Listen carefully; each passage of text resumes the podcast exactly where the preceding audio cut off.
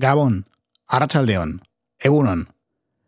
Te doy la bienvenida una semana más a Estamos Dentro, un espacio de entrevistas hogareñas producido por Ulu Media para EITV Podcast.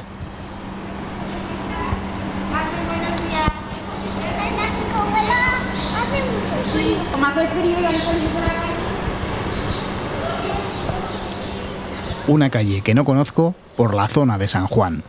Así empezaba Todos Mirando, la célebre canción de Barricada, y así comienza, en dicho barrio de Pamplona, este episodio.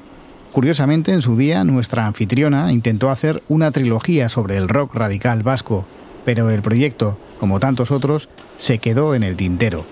Con ella hablaremos, entre otras cosas, de las dificultades añadidas que encuentran las mujeres para rodar películas de ficción, pero también de su infancia en Alchazu, de las principales obras de su filmografía y de su interés por utilizar el cine con un doble objetivo, mover y conmover.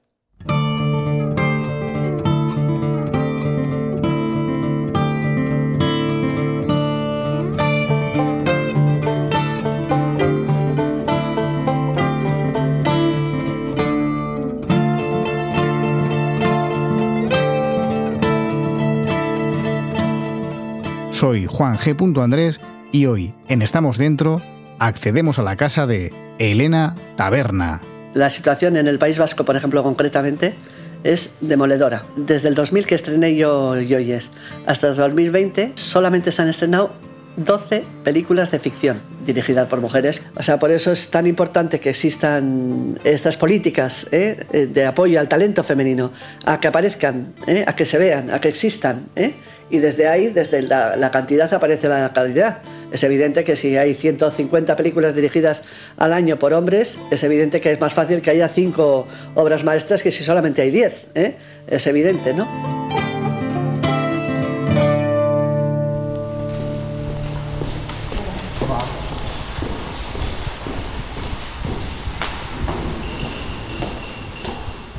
Aunque suele pasar los inviernos en Madrid, Elena Taberna me recibió a finales del año pasado en su casa de Pamplona, el lugar que eligió para vivir los meses más crudos de la pandemia.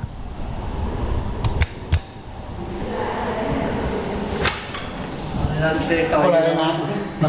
Muy buenas. Muy buenas. Pues bien, un poco estresada la mañana porque me, han pasado cosas. ¿Ah, sí? ¿eh? ¿Tan pronto te han pasado cosas ya? Sí.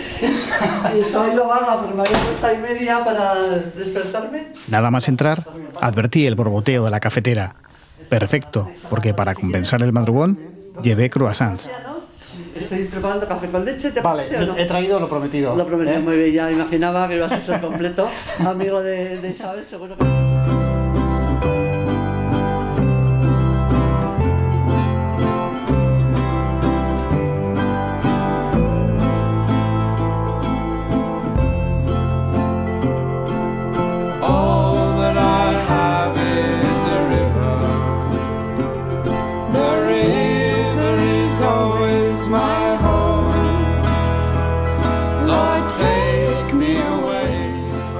Pues eh, con café y croissant iniciamos esta conversación en la que vamos a intentar que te sientas tan cómoda como en el libro que Carlos Roldán escribió sobre, sobre tu obra, ¿no? cuando la Filmoteca Vasca en 2018 te dedicó una, una retrospectiva.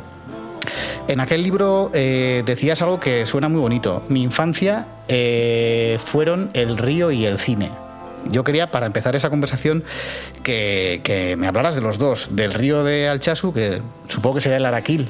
El Araquil que le llamábamos el roble nosotros entonces. Y era de una emoción, o sea, éramos siempre mucho más fans del río que del, que del mar, fíjate. Ah. Que luego íbamos a, a Fuenterrabía, a Ondarribi. Y sin embargo el río, no sé, qué era eh, como Sí, tenía una magia que, que sigue teniendo. O sea, es, es, muy difícil que una película que tenga río sea mala. Pero la verdad es que luego he usado muy poco yo en el cine. Eh, la, las circunstancias me han impedido acceder al río. O sea, que me falta una película con río prácticamente con protagonismo absoluto del río. Pero sí que es cierto que sí no sé, tenía como una grandeza, es que sería como el ir al río ya solamente el que te dejasen, o el paseo por el río cuando pasábamos por una casa que tenía un columpio y podía, no sé, pero tiene, eh, siempre que hay un río yo me emociono, o sea, me emociono, entro en, en, en bienestar, me gusta, Ajá, el, sí, me gustan sí, los ríos. te da paz. Y por eso me gusta mucho el cine francés, porque si te das cuenta, no hay ninguna película en el cine francés que no, lleve, que no tenga una secuencia con el río, paseando dentro, eh, pero tiene muchísima importancia. ¿eh? Sí.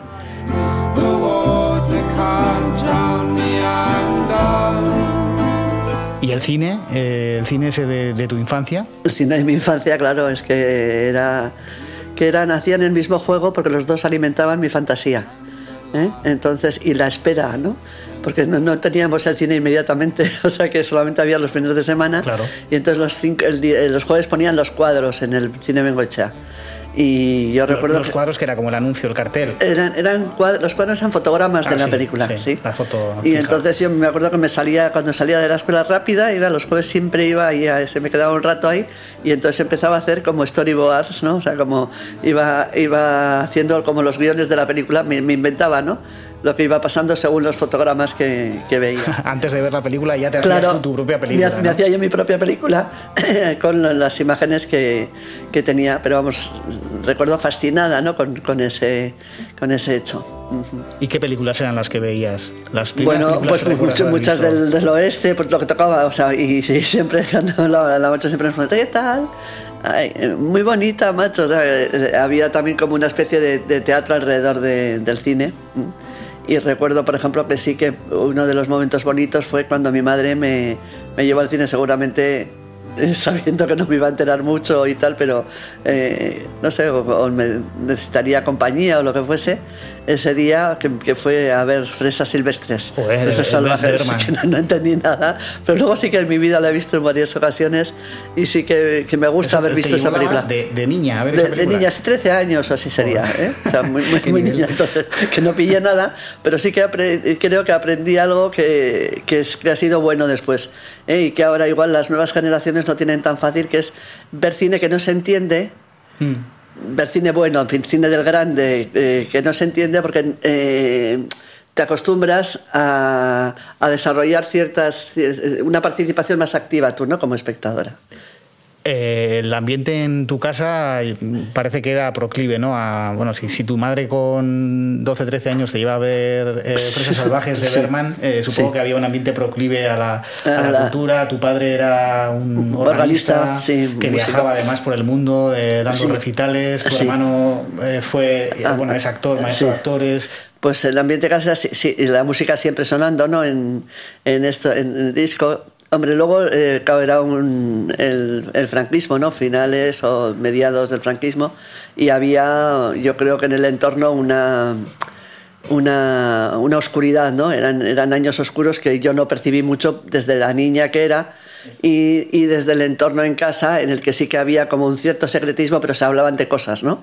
Que yo escuchaba o venían eh, otros artistas o otros eh, músicos y tal y hacían tertulias en casa y recuerdo levantarme por la mañana, por ejemplo, y ver, ver eh, esto que te daba mucho gusto porque te decían, ¿qué es esta señorita? Te saludaban y tú veías que, estaban, que se lo estaban pasando muy bien y empezaste a hacer, empecé a hacer como saber que la gaupasa tenía su importancia en la vida también intelectual porque las tertulias eran, yo veía que producían placer en el placer de la amistad, el de compartir ideas y eso, ¿no? Eso es, probablemente también está un poco mitificado, pero vamos, esas son eh, cosas que me gustaron desde pequeña, ¿no? Vi también, por ejemplo, verle a, a Laita, por ejemplo, después de un concierto, ¿no? Que, la sensación que yo veía que era el mismo, pero era distinto, ¿no?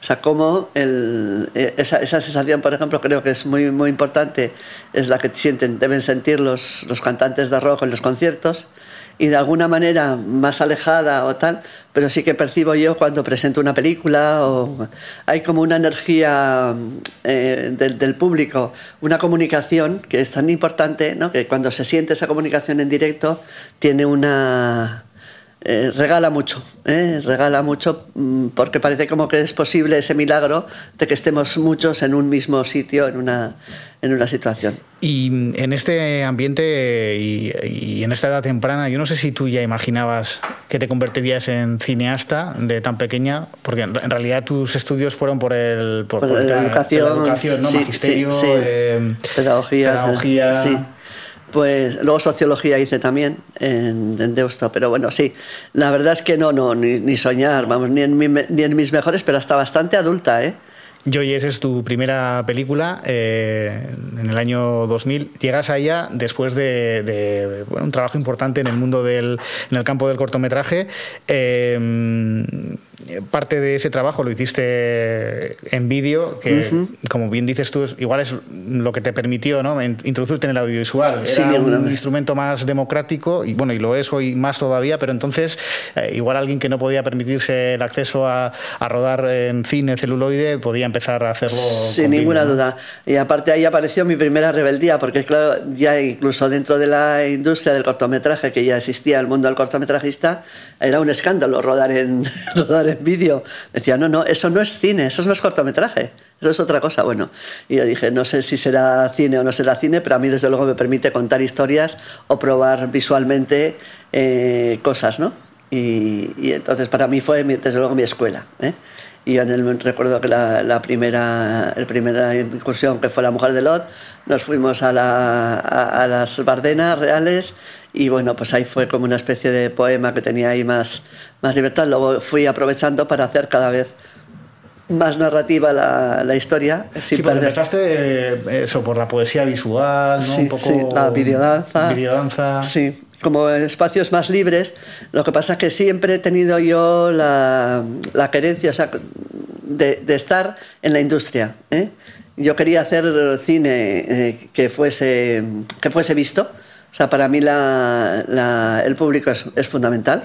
O sea, yo, yo hago cosas para que sean vistas y sentidas. O sea, no me da lo mismo. ¿entiendes? me importa muchísimo.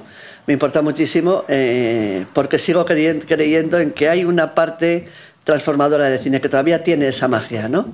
Tiene ese algo de llegar a unos sitios que igual otras disciplinas artísticas les cuesta más llegar. ¿eh? Incluso, te voy a decir, la música que emocionalmente llega no tiene tanta capacidad de tenerlo reflexivo a la vez, ¿no? O sea, el cine yo creo que tiene ese punto de llegar a la emoción y a la vez te permite, eh, no sé, cómo analizar o, hmm. o sea, eh, no sé, yo, yo, lo creo, ¿eh? Creo que tiene esa, esa fuerza y a mí, a mí personalmente me sigue pasando, ¿eh? cosa que me encanta cuando como espectadora ese, ese, ese regalo de transformación.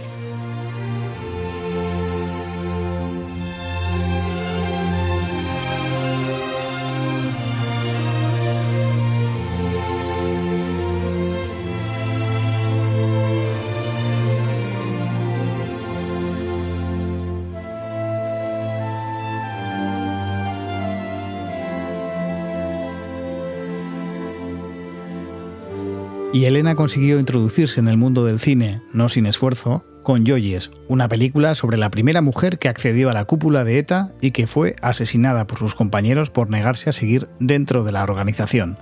La estrenó justo después de la ruptura de la tregua de ETA, que desembocó en una horrible escalada de violencia. Visto con perspectiva, no parecía el proyecto más fácil para un debut. La verdad es que visto ahora sí soy consciente de eso.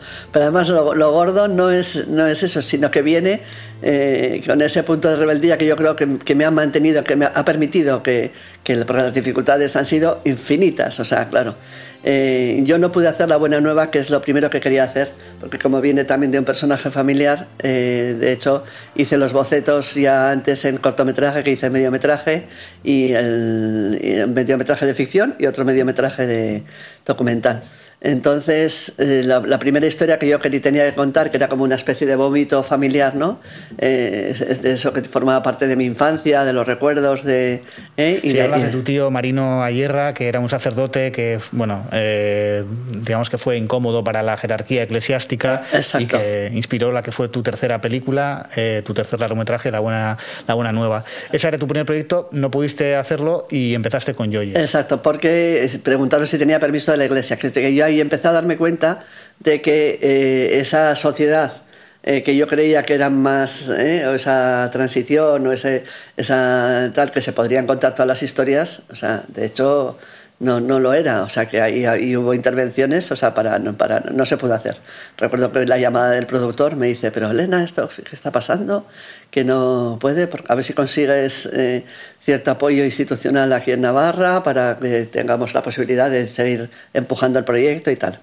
Y entonces, claro, es más, más, más grave que después de esas dificultades elija ese personaje, pero no fue por rebeldía ni por nada, sino porque eh, yo sabía que esa historia era muy buena cinematográficamente.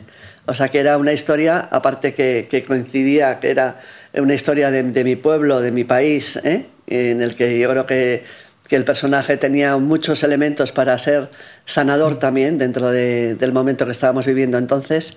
Eh, me parecía que era una historia mm, de una fuerza, de una potencia dramática enorme. Y así fue que el primer, la primera eh, presentación que hicimos en Europa, gracias a Europa se hizo Yoyes, si no, no se hubiera hecho sí, nunca. Es una coproducción. Sí, y, pero la primera presentación es en, un... Justo estaba empezando entonces Internet y nos enteramos de que había un foro en Luxemburgo y entonces que era como presentación de proyectos y financieros, ¿no?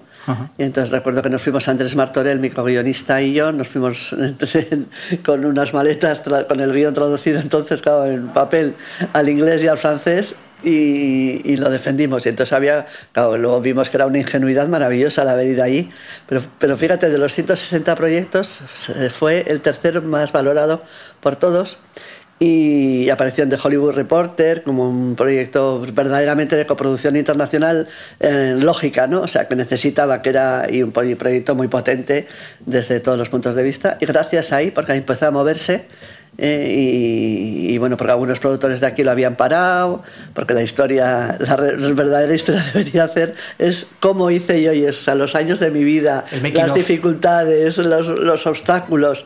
O sea, em, yo creo que más que valentía fue un caso de perseverancia, vamos, de tremenda, o sea, tremenda, tremenda. Y, la verdad es que fue doloroso cuando veo que al principio no, no había salas que quisieran eh, colocarla aquí en Euskadi. Y digo, madre mía. Bueno, pasaron, pasaron muchas cosas. No pude estar en Berlín, por ejemplo, porque he recibido el productor alguna llamada de que no se podía estrenar en eso. O sea, la historia de ellos todavía podría haber sido más, más grande, si acaso, ¿eh? pero bueno, la verdad es que, que hizo, hizo su bien. Yo estoy orgullosísima porque si se hubiese visto en todo el mundo, hubiese tenido todos los premios que tuvo, pero no habría, aquí no, no hubiera llegado. ¿eh? Eh, la, la, trampa, eh, o sea, ese, ese, peligro que tenía esa historia en manos, en muchas manos, porque yo creo que no se les había ocurrido, pero era, era un, un objetivo bastante, bastante atractivo ¿no? para, para poder manipular los hechos históricos, como así se hizo. Y la verdad es que yo lo hice con interés, sobre todo cinematográfico, de contar una buena historia y pensando siempre en el cine irlandés, que para mí ha sido un referente muy, muy importante. Las películas sobre, sobre, el tema del IRA, sí. sí. Me pareció que tenían esa, esa doble virtud de hacer un cine excelente y un cine que obligaba a los irlandeses y al mundo a reflexionar sobre el conflicto. ¿eh? Y siempre las reflexiones desde la emoción yo creo que transforman a otro sitio. La película fue bien recibida en general, pero no sentó bien en, los extremos, ¿no? en parte de, la, de cierta derecha española, también de, la izquierda Berchale. Eh, ¿En ese momento te diste cuenta de que podía resultar como cineasta incómoda? Eh, no, no, no tuve mucha sensación de eso. Yo iba a otra cosa, a poder hacer la película. No, como mi mi intención no era tampoco de ser una heroína ni tal, sino hacer una buena película, ¿eh? contar una buena historia y, contarla bien y que tuviese, que tuviese resonancia, eh, sobre todo en, en, poner la muerte no en abstracto, sino en concreto, ¿no? O sea, el terror de la muerte, ¿no? ¿Eh? La muerte en abstracto no, no genera tanto dolor, y sin embargo yo creo que, que esa, esa, mano separándose de la madre y la niña eh, produce un efecto demoledor, ¿no? Y, y, eso hace pensar, ¿no? Entonces, lo que menos em, perdonaron algunos grupos, incluso mediáticos, fue eh, que yo hubiese puesto al GAL. ¿eh? que, si yo simplemente me encargo de contar eso y obvio esa otra parte, ¿entiendes? Probablemente las puertas se me hubiesen abierto y no había habido problemas para estrenarla después de las elecciones o antes o tal, ¿no? sí, claro, solamente que para la historia tú tienes que contar la historia y sí que me, me, gusta ¿no? cuando, aparte de las, los valores eh, cinematográficos, hablan de una película honesta. ¿no? Y ahora que la han vuelto a, revisar y la han puesto a poner en proyectar en salas, eh, y en salas, perdón, en, sí, en salas también en la retrospectiva, pero luego en, en, cine y eso, la verdad es que mm, llega a conmover de una manera intensísima la historia y, bueno, y a mí me conmueve que, que la película tenga esa, esa vigencia ¿no? que se puede ver ahora en, por, por, espectadores jóvenes que no conocen la historia y les siga eh, removiendo y emocionando. Se ve de otra manera porque ahora felizmente no tenemos el conflicto en, en pleno movimiento, pero, pero para mí es muy satisfactorio que la historia sea verdad y que incluso haber construido un, quitado un mito que había con, la idea de Yoyes, ¿no? que había sido arrepentida, que así había pasado la historia. Y la película le ha devuelto esa realidad. No fue ninguna arrepentida, sino que volvió y, pasó, pagó, su precio por esa valentía. La memoria es uno de los rasgos esenciales del cine de Elena Taberna una herramienta que ella utiliza para contar historias que no deben olvidarse. Buena parte de su filmografía se asienta en esa idea, especialmente Yoyes, La Buena Nueva o Nagore, documental centrado en el caso de Nagore Lafag, la joven asesinada durante los Sanfermines de Pamplona de 2008. Puede ser también que sea que como yo tuve la suerte de poder eh, acercarme al cine casi como con, de, manera eh, tramposa, casi no siguiendo los caminos habituales, ¿no? O sea, como que me he colado en el cine, ¿no? Eh, como que he encontrado un, punto en el que he, he, podido, no sin pelea, no sin gran pelea, no sin gran dificultad, hacer las películas que quería hacer, ¿no? Entonces ese es un, trabajo que me lo he hecho yo, que me lo he ganado a pulso. Y entonces ya una vez que hago las películas que quiero hacer, yo quiero contar lo que quiero contar. Porque a mí me interesa el mundo que me rodea y para mí es una excusa también el aprender desde los temas que, toco, ¿no? Si, me interesan los personajes, si me interesan una historia, me interesa contarla y contar para que ese ejercicio esté también en, mi pueblo, ¿no? que tenga, exista esa memoria. Eh, no sube, fui consciente cuando hice Nagore, por ejemplo, de esa trascendencia que tenía ese, el hecho de poner en película ese hecho, ¿no? Sí que sabía que era bueno, ya que había sido muy bueno, que la lucha de la madre de Nagore hubiese permitido que eh, conociésemos todos eh, lo que estaba pasando. porque hubiera sido un, un juicio privado de poderosos, porque la historia tenía mucho, mucho que ocultar, ¿no? Ahora sí que soy consciente, pero entonces no fui tanto, pero sí que sabía que necesitábamos, eh, sobre todo el mundo femenino, eh, constatar los hechos ya y darles una, una dimensión más alta, ¿no? ¿Eh? La, la, dimensión del cine ya automáticamente a los protagonistas les coloca en un sitio mm, de más poder. ¿eh? incluso creo que establece una especie de justicia paralela. Yo recuerdo que hablando con Asun, con la madre eh, dije, eh, con el dolor que tenía por la sentencia y eso final, le dije, tú piensa una cosa conmigo. Eh, hubiera preferido el, el verdugo de tu hija mil veces estar diez años más en la cárcel y que no existiera la película Nagore porque eso le va a perseguir toda la vida. Hay, hay, un, hay una constancia, una memoria. Se sigue viendo.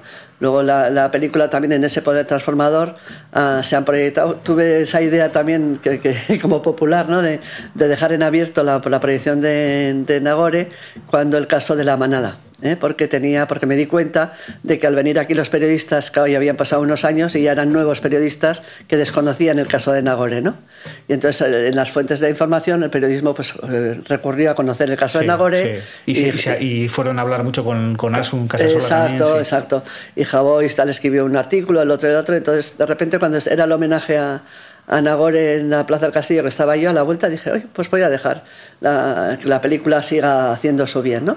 Y entonces por, por las redes hice una, una, invitación a que se hiciesen proyecciones públicas con debate y que me pasasen tanto el cartel con tuneado ¿no? en los distintos sitios, impresionante, más de ciento y pico proyecciones públicas. Entonces es lo bonito que ha sido eso. Y claro, es, es un material que de repente avanza, porque claro, el juicio de Nagore y el juicio de la manada tienen que ver. Si no hubiese existido ese conocimiento, eh, no, se hubiese producido ese avance popular de mujeres eh, exigiendo eh, y luego coincidiendo con que el movimiento feminista ha dado semejantes avances en estos años. Pero vamos, todo como que las fuerzas se unen y empujan ¿no? en una transformación social que a mí me gusta formar parte desde el cine, pero que tenga una pequeña participación en eso, ¿no? A veces se habla de, se debate sobre la utilidad del, arte, ¿no? Y bueno, en este caso, eh, esta película ha servido para... Sin ninguna duda, sin ninguna duda, sí. Y yo creo, mm, yo creo que sí, que, que conforma parte, ¿no? Sí, sí. Y yo creo que prácticamente sí que es cierto que todo mi cine tiene esa, esa doble dimensión, ¿no? La, preocupación por, por, buscar una buena historia y contarla bien, pero a la vez que tenga un. que toque temas eh, que generalmente no se suelen tocar eh, y de manera atractiva, eh, porque sí que me parece muy importante no ser panfletaria, no... Que, que, eso es un peligro, ¿no? Lo de sermonear, ¿no? Hombre, sermonear, eso, exactamente. Yo lo que hago es aprender mientras que eso y muestro lo que yo he hecho, ¿no? Muestro mi recorrido el recorrido de documentalista, ¿no? buscando las cosas tanto en la ficción como en el, como en el documental, y muestro los elementos que yo he visto ¿eh? para que las conclusiones sean sacadas por, el espectador. Por, cada uno. ¿no? Y, y, eso, desde luego, el espectador inteligente lo agradece mucho. Sí. Y todo esto además lo haces, ¿no? El invitar a la reflexión, eh, intentando no perder de vista uno de los principios esenciales del, séptimo arte, que es entretener, ¿no? Hombre, claro, sí, sí, sí, sí. Yo quiero que el espectador esté atento así. ¿eh? Bueno, no puedo, si generalmente suele ser es el silencio sepulcral, me encanta. ¿Eh? No, no, no, pero claro, sepulcral porque, porque tienes que atraer la, atención y el discurso tiene que ir sin, sin, sin bajar un segundo, pero que, que, tiene que tener un ritmo interno. Si tiene la película tiene ese ritmo interno y va, y va, va avanzando, va creciendo y tú vas, vas descubriendo detalles, ¿eh? fíjate, de las vidas más pequeñitas, de las más aparentes, ¿eh? y la película tiene luz, a pesar de, de todo el... Sí sí que me importa, me importa mucho eso. Claro, eh, ahí, ese ejercicio es como autoimpuesto, ¿no? Como he sido bastante autodidacta, yo sigo aprendiendo en el cine y sigo, proponiéndome retos que igual para los demás no son, pero para, para mí sí, ¿no? El, de la construcción, por ejemplo, acantilado, que no es nombrado tampoco como ejercicio de reflexión, pero también lo es. Pasa que es una reflexión, es una película más seca que las otras, ¿no? Me ha salido más dura Sí, pero, pero, también tiene un punto de género, ¿no? De cine de género, de thriller. De... Sí, tiene, tiene el punto de género.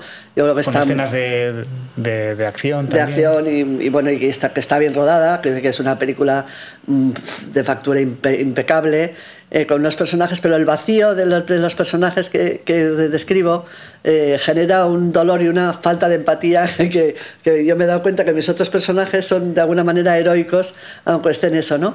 Y yo quería mostrar en Varados esa, lo, lo terrible de la secta, ¿no? Pero la secta entendida no como la secta esa, esa secta de Canarias que me da la suda, sino la secta, las sectas que nos, que, las que vivimos, ¿no? Porque todos son sectas de alguna manera. ¿eh? Eh, bueno, todo. Desde que los grupos, cualquier grupo que se cree, desde los Asuna hasta pasando por las iglesias presbiterianas o, o, la pareja incluso, ¿eh? tiene, tiene comportamientos sectarios porque eh, sí que es cierto que hay, eh, la libertad individual y el grupo es muy difícil de concitar, ¿no?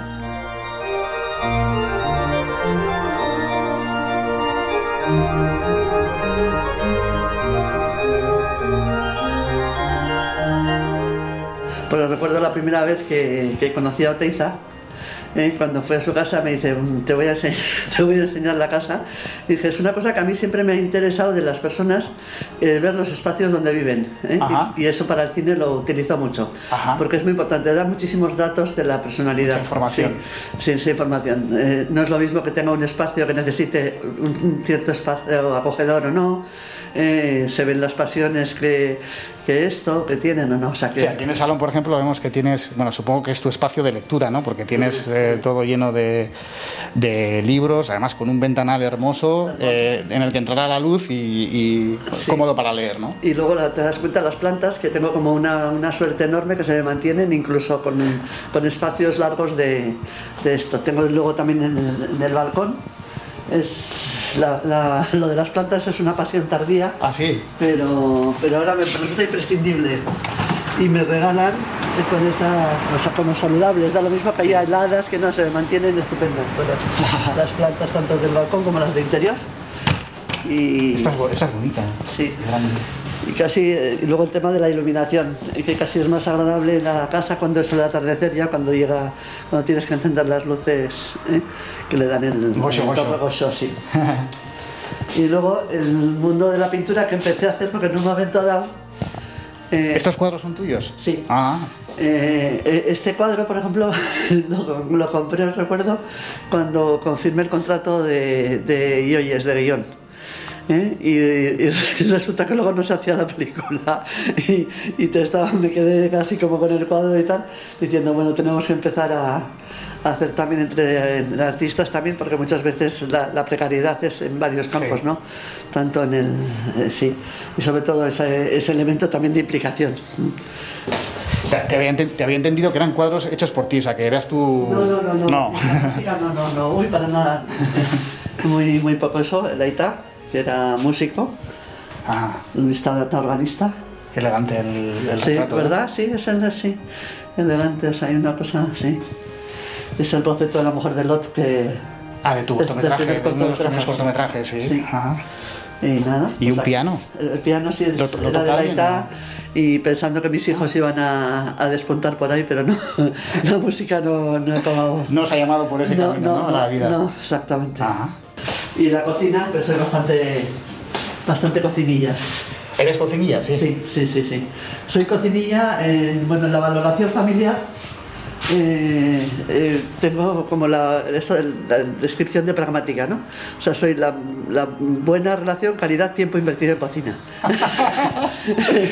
Entonces tengo hermanos que son más, más artistas, Sí. pero claro, si falta un cuarto de vainas no se puede hacer la paella. o Claro, sí, y- y, tú igual de- tienes, igual tienes recursos para... eso, para, más, ¿no? más de Checo André, ¿no? o Eh, sea, sí. como que me ha tocado preparar así para cosas de familia y tal. Soy más capaz de, de organizar una, sobre todo una, una recena eh, de migas de pastor, Eso que soy es. especialista Eh, cuando ah, sí, ¿eh? se, se cerraban los bares y tal, y no me daba ninguna pereza con el pan del congelador hacer migas con huevos calfados que me salen de maravilla. Mm. Muy bien.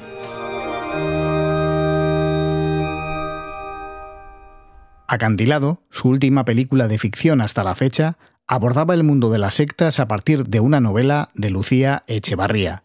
Su próximo largometraje también será una adaptación literaria, Feliz Final, del escritor Isaac Rosa, una obra que escudriña de forma tremendamente cruda las relaciones de pareja. Elena Taberna, que en su cine ha tratado cuestiones como la inmigración, la religión o diferentes formas de violencia, ha escogido ahora una historia más íntima, aunque ella no aprecia ninguna voluntad de cambio de registro. No, no, yo creo que no hay ningún cambio de registro.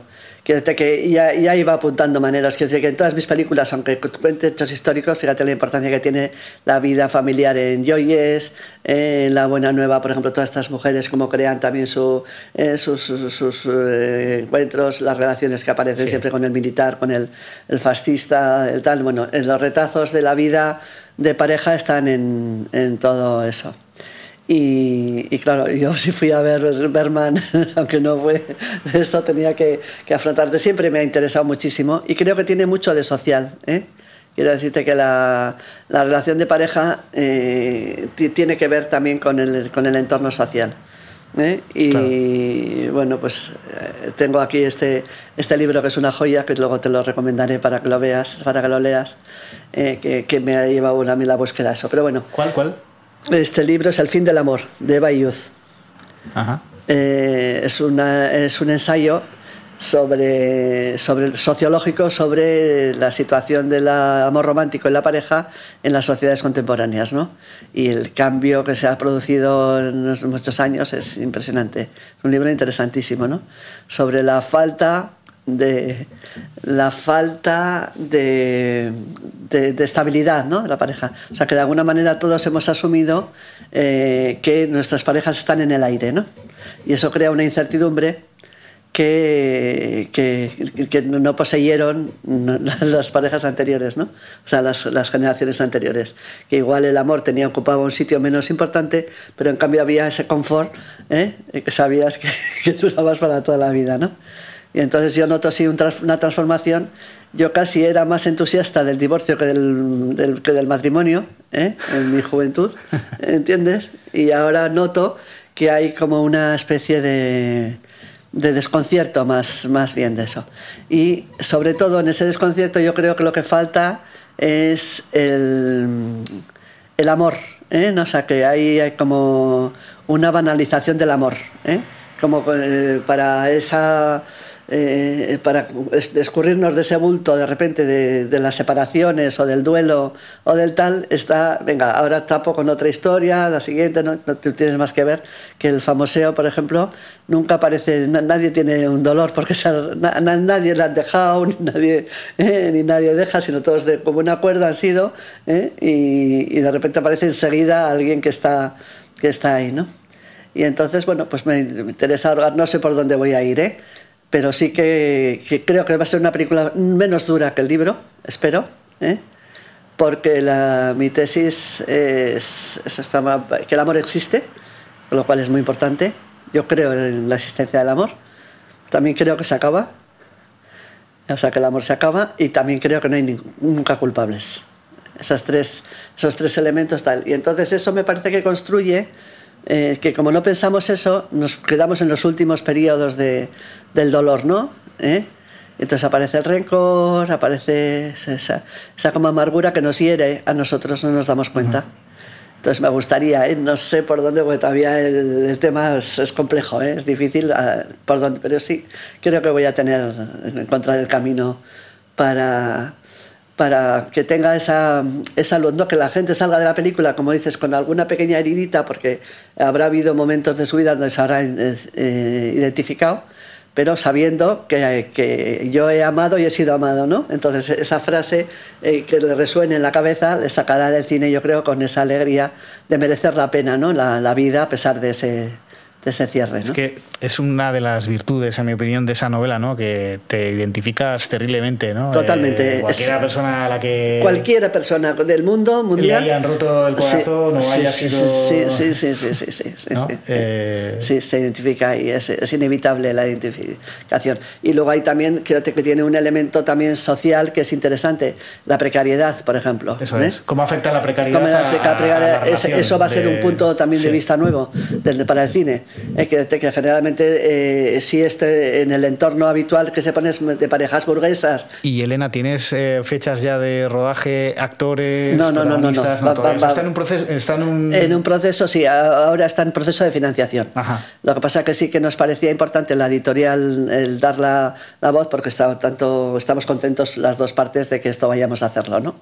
Y entonces puede ser también un estímulo para los financieros el que se conozca porque la novela ha tenido mucho éxito y, y yo creo que, que, la gente va a ir a las salas y no, no les decepcionaremos. Y a mí me gustará que, que tenga también un, un, valor de producción importante eh, con unos actores así potentes y poderosos, también conocidos, para que, que lleve, que, que, lleve, que tenga eh, éxito de público. Me gustaría, porque yo creo que eh, reflexionar sobre el amor ahora en estos tiempos es especialmente necesario.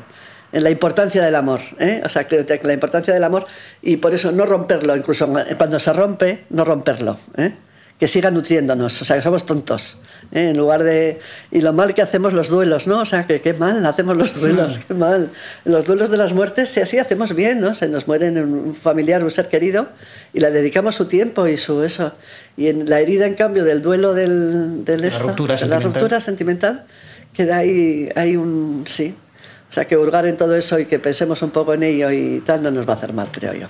Y luego, como dices, construyendo una historia atractiva también, que mantenga el interés, que es el reto, ¿no? que de alguna manera es como yoyes, ¿no? que, que sepas que le van a morir y sin embargo te mantengas tú en plena tensión toda la película. Aquí arrancamos con la película cuando la pareja se rompe, ¿eh? pero sin embargo tiene que tener ese qué pasó ahí, por qué, ¿eh? cómo ha sido el, el deterioro. Infidelidades o... Sí, exactamente, o no, o los, eh, los ritmos distintos, ¿eh? la propia incapacidad también de de, aceptar al otro, las pequeñas manías que nos irritan, porque aquello que nos pareció maravilloso en su momento luego nos, nos produce irritación, ¿no? Esas son cositas que... y tendrás humor también como, como todo en la vida, ¿no? ¿Tienes eh, actores, actrices? Sí, pero no puedo decir. No puedes sí, decirlo todavía. sí, sí, sí. Vale. Pero va a tener los mejores. O sea, ya te digo, los mejores y, y va a ser un, un goce, un disfrute. No estoy más que pensando en el momento en que empecemos a, a hacer pruebas y ensayos y tal, porque va a ser muy, muy gozoso, muy gozoso. Llegados a este punto, en este podcast eh, nos suele gustar pedirle a, a nuestra anfitriona eh, una canción. Uy, canción, fíjate, qué gracia. Eh, para que suene eh, en los próximos minutos. Vamos a poner la canción de, de Aquelarre. Vamos a poner. La canción de Aquelarre. Ah, de, de la película, La película Aquelarre, Aquelarre. que la ha producido Lamia, tu productora. ¿no? eh, exactamente, la hemos producido. que tenías tú en mente, que al final ha hecho Pablo Agüero. Exactamente, Y- pero ha producido- hemos producido Iker Ganuza desde Lamia. Sí. O sea que la hemos producido nosotros. Fíjate las vueltas de la vida, ¿eh? Qué, qué- qué curioso eso, ese proyecto sobre Pierre de Lancre, que era una maravilla, porque además, fíjate que estaba hasta Juliette Binoche, iba, Ah, iba a trabajar cuando, en... cuando lo ibas a hacer tú, que esa- esas- ese proyecto lo ibas a hacer tú después de Yoyes. Después justo, de Yoyes, 20 años. exactamente, sí. Y porque, claro, fíjate, tiene lógica, ¿eh? La historia. Hubiera sido otra película, desde luego. Pero recuerdo cómo estaba entusiasmada porque el padre de Juliette Vinos la vio la película en el Festival de Santo Domingo. Y le entusiasmó la película y me, me presentó a Juliette. Y cuando íbamos a hacer el estreno en París, iba a venir Juliette, lo que pasa que justo le dieron el Oscar por Chocolat y ya no puedo, pero vamos, y decía, mi hija va a hacer siempre proyectos interesantes y, y vamos, y, y estuvieron en Bayona viviendo además de pequeños, Ajá. o sea que, bueno, Ah, en fin, el caso es que no pude encontrar financiación, fíjate qué fuerte. O sea, las dificultades, después de haber, del éxito de Yoyes, ¿eh? O sea, fíjate que realmente el cine es una carrera dificilísima y para las mujeres ha sido, yo cuando pienso todavía, eh, es un auténtico milagro que podamos, que, que haya podido hacer con, claro, con, con este eh, tener, tener unas cuantas eh, películas hechas, pero realmente todavía es lamentable la- las dificultades que hay para, para poder armar tanto las directoras que empiezan como las consagradas o las que tenemos ya una trayectoria que realmente armar cada película es empezar de nuevo desde cero, no puede ser. Ahora hablaremos de todo eso, eh, pero vamos a escuchar, como bien dices, la canción de la banda sonora original de, de Aquelarre. No la ha protagonizado Julie Vinos, eh, no la has hecho tú y no sabemos cómo habría sido esa, Esa película, película, sí. dirigida por ti, pero eh, yo creo que Pablo Agüero ha hecho Acertado. un buen trabajo y Sí. Amaya Betasturi, la protagonista, Soberbia. está soberbia. Soberbia. Y es su primer o segundo papel, papel, en el cine sí, y bueno, eh, Amaya está soberbia, preciosa. Si ahora estuviera, hubiera estado eso, sí, seguramente la habría elegido también a ella y yo. y la verdad es que sí, ¿no? Y han hecho un trabajo muy, muy interesante de producción que, fíjate, ha llevado a las nueve candidaturas, o sea, es la segunda candidatura más importante. Y esos también que han hecho un trabajo muy, muy interesante de apoyo también y de protección a, a la película desde muchos puntos de vista. Hay muchas mujeres también en los campos de, importantes, ¿no? De- no, muy contentos. Cuando grabamos este episodio hace ya medio año, todavía no se habían entregado los premios Goya, en los que Aquelarre conquistó cinco de los nueve galardones a los que optaba. Fue, de hecho, la película que más estatuillas cosechó aquella noche. Una de ellas fue precisamente para su banda sonora original, escrita por Aranzazu Calleja y Maite Arroita Jauregui, Mursego. Ambas firmaron a dúo este incendiario tema, Ez dugu nahi beste berorik.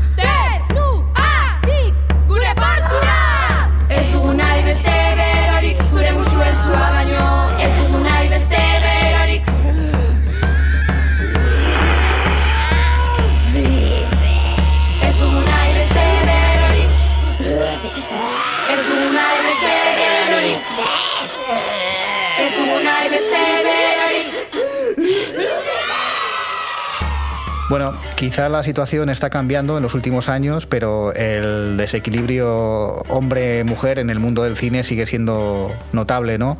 En España hay una serie de directoras clásicas, como puedan ser pues, Pilar Miró o Josefina Molina, otras más cercanas a tu, a tu eh, edad, como Gracia Querejeta, Iciar Boyain o, Isabel Coiset, y luego una nueva generación formada por gente como Marcol, Carla Simón, Pilar Palomero, que está ahora de actualidad con las niñas, ¿no? Pero bueno, como decimos, la realidad es que la presencia de la mujer en el cine es mucho menor y tú misma aludías al hecho de poder haber dirigido media docena de películas como un como milagro. un éxito casi. Un éxito y un milagro. Y un, un, milagro, exacto, un milagro. Un milagro, no, más, muy acertado.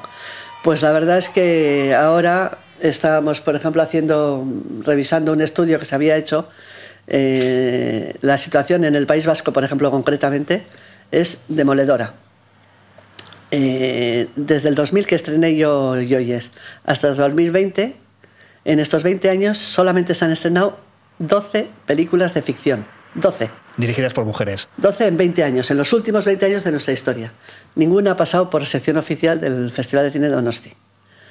No se puede entender, ¿eh? con el talento cinematográfico que hay en Euskadi, cómo existe ese déficit y en este momento estamos, eh, hay, un movimiento que nos hemos reunido varias cineastas que formamos parte de, yo fui fundadora de CIMA, por ejemplo, y ahora se ha creado una asociación en Euskadi, Yemen, que tiene 250 socias dentro del mundo de esto, y juntas una comisión de varias cineastas que estamos en activo y para hacer una propuesta al gobierno vasco, una propuesta de entidad. ¿eh?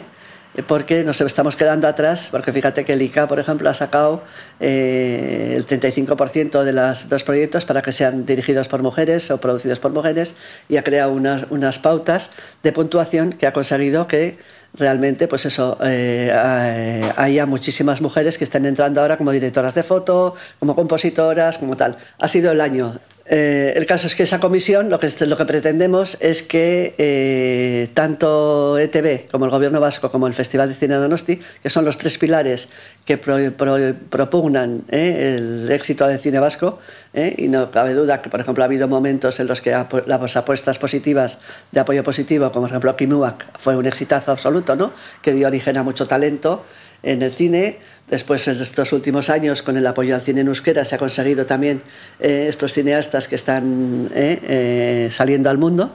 Y entonces ahora nuestra propuesta es que a partir de este año el gobierno vasco apueste por el talento femenino.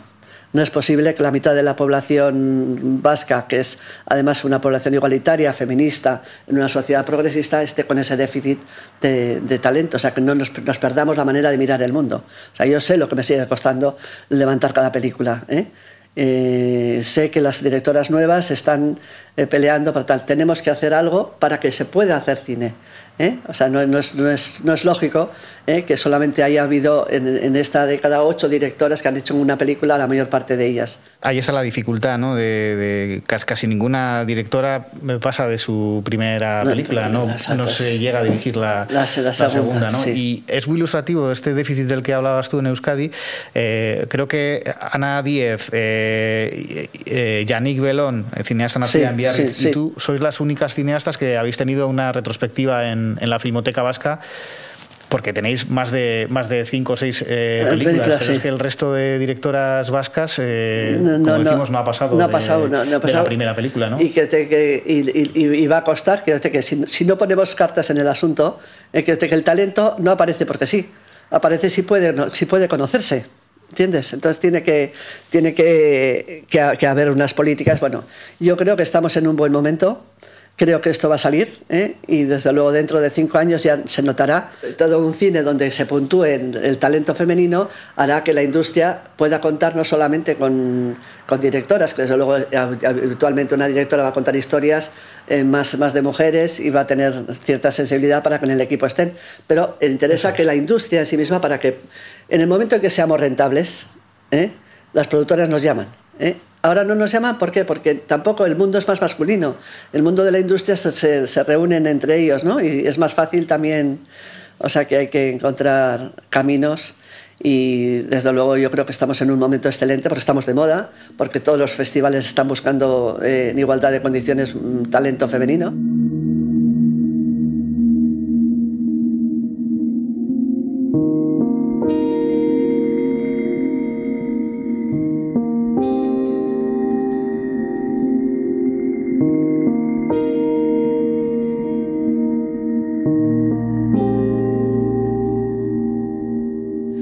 El prejuicio sobre el arte femenino.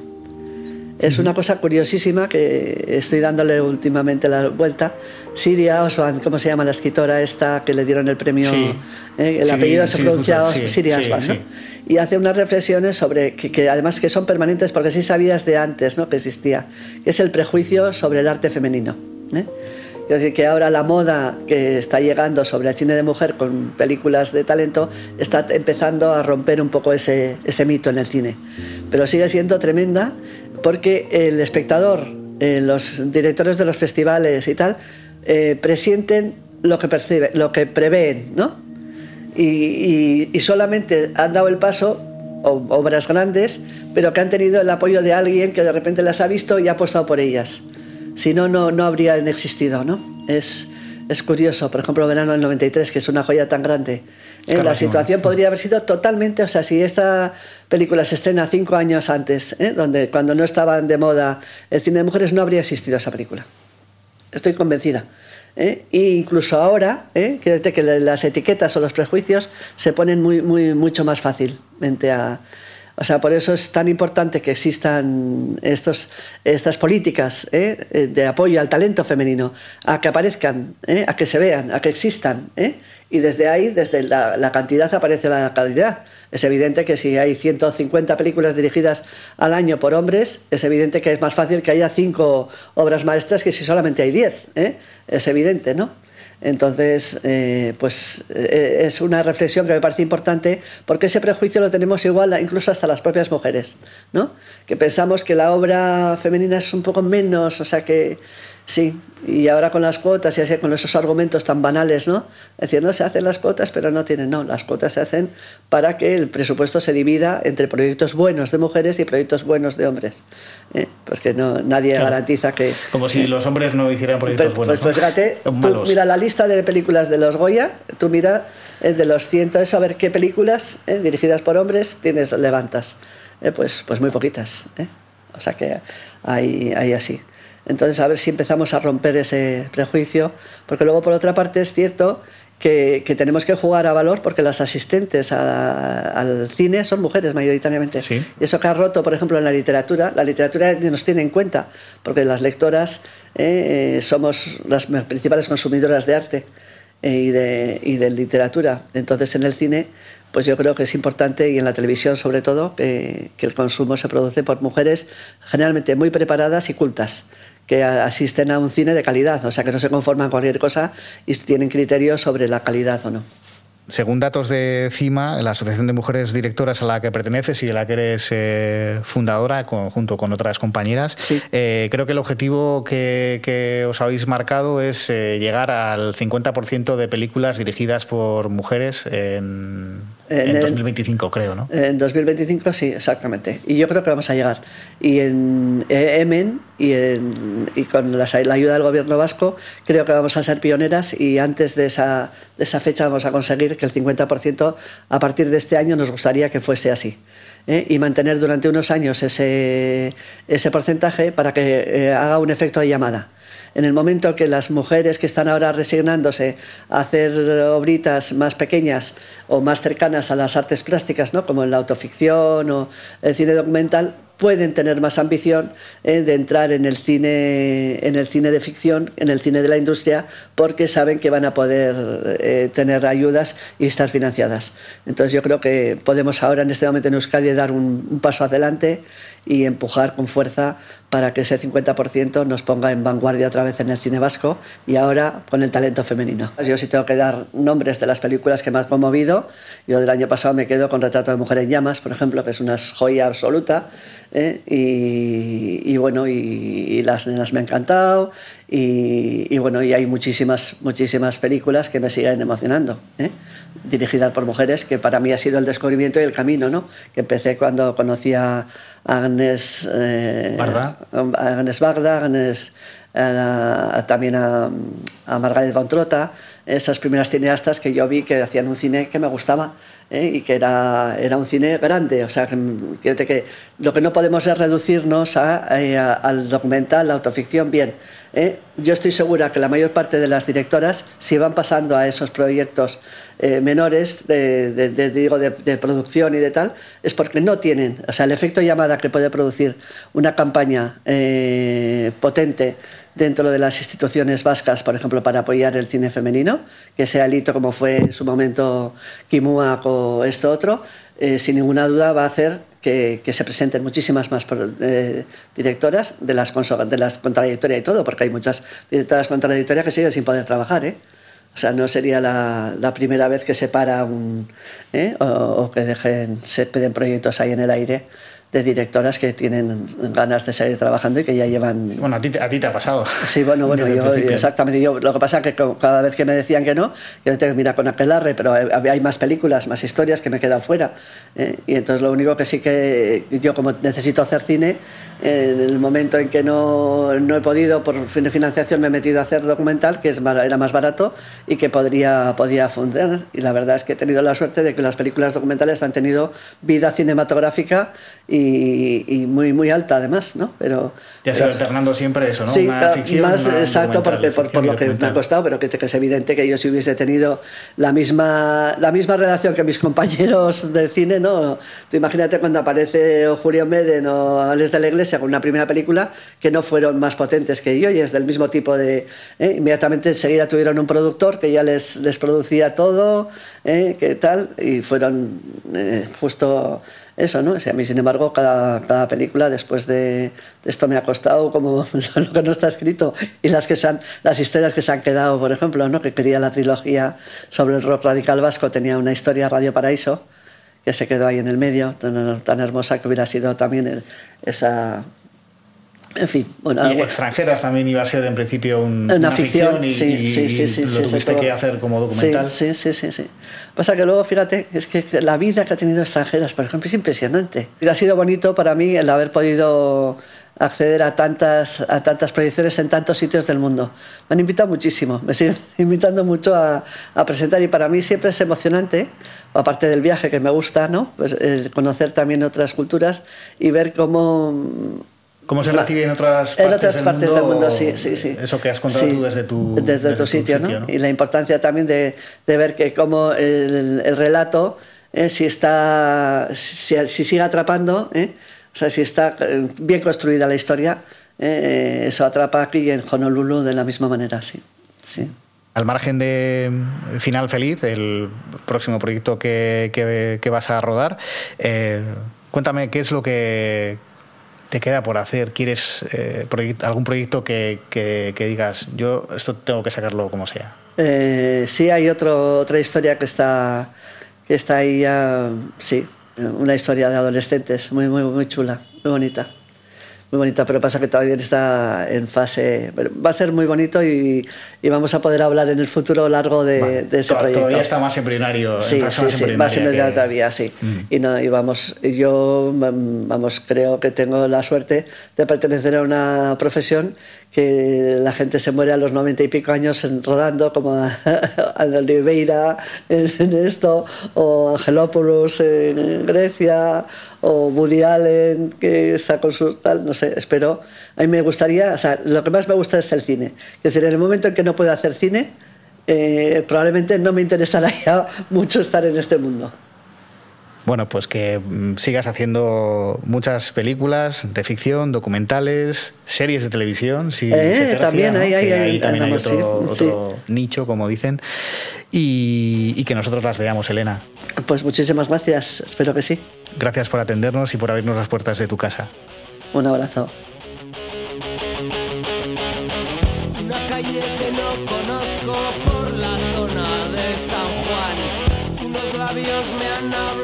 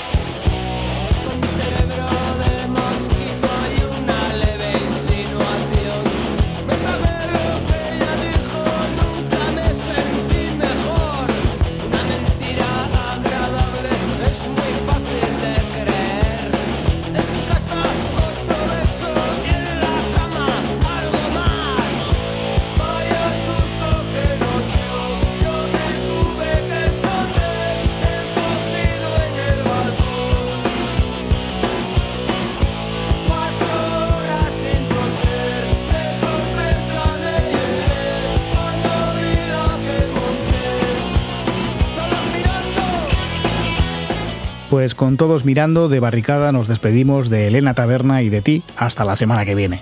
Suscríbete a Estamos Dentro en ITV Podcast o en tu plataforma favorita donde también puedes seguir las andanzas de Oyer Aranzábal en Barruan Gaude, nuestro podcast siamés.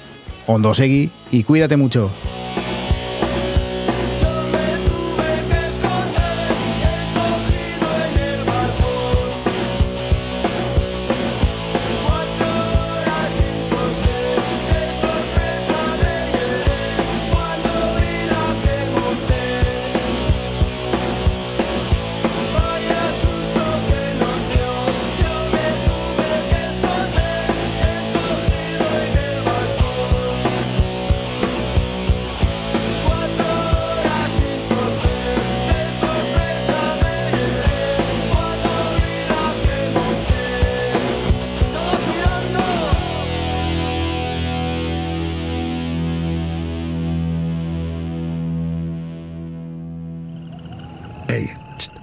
Entzun hori. Ulu Media.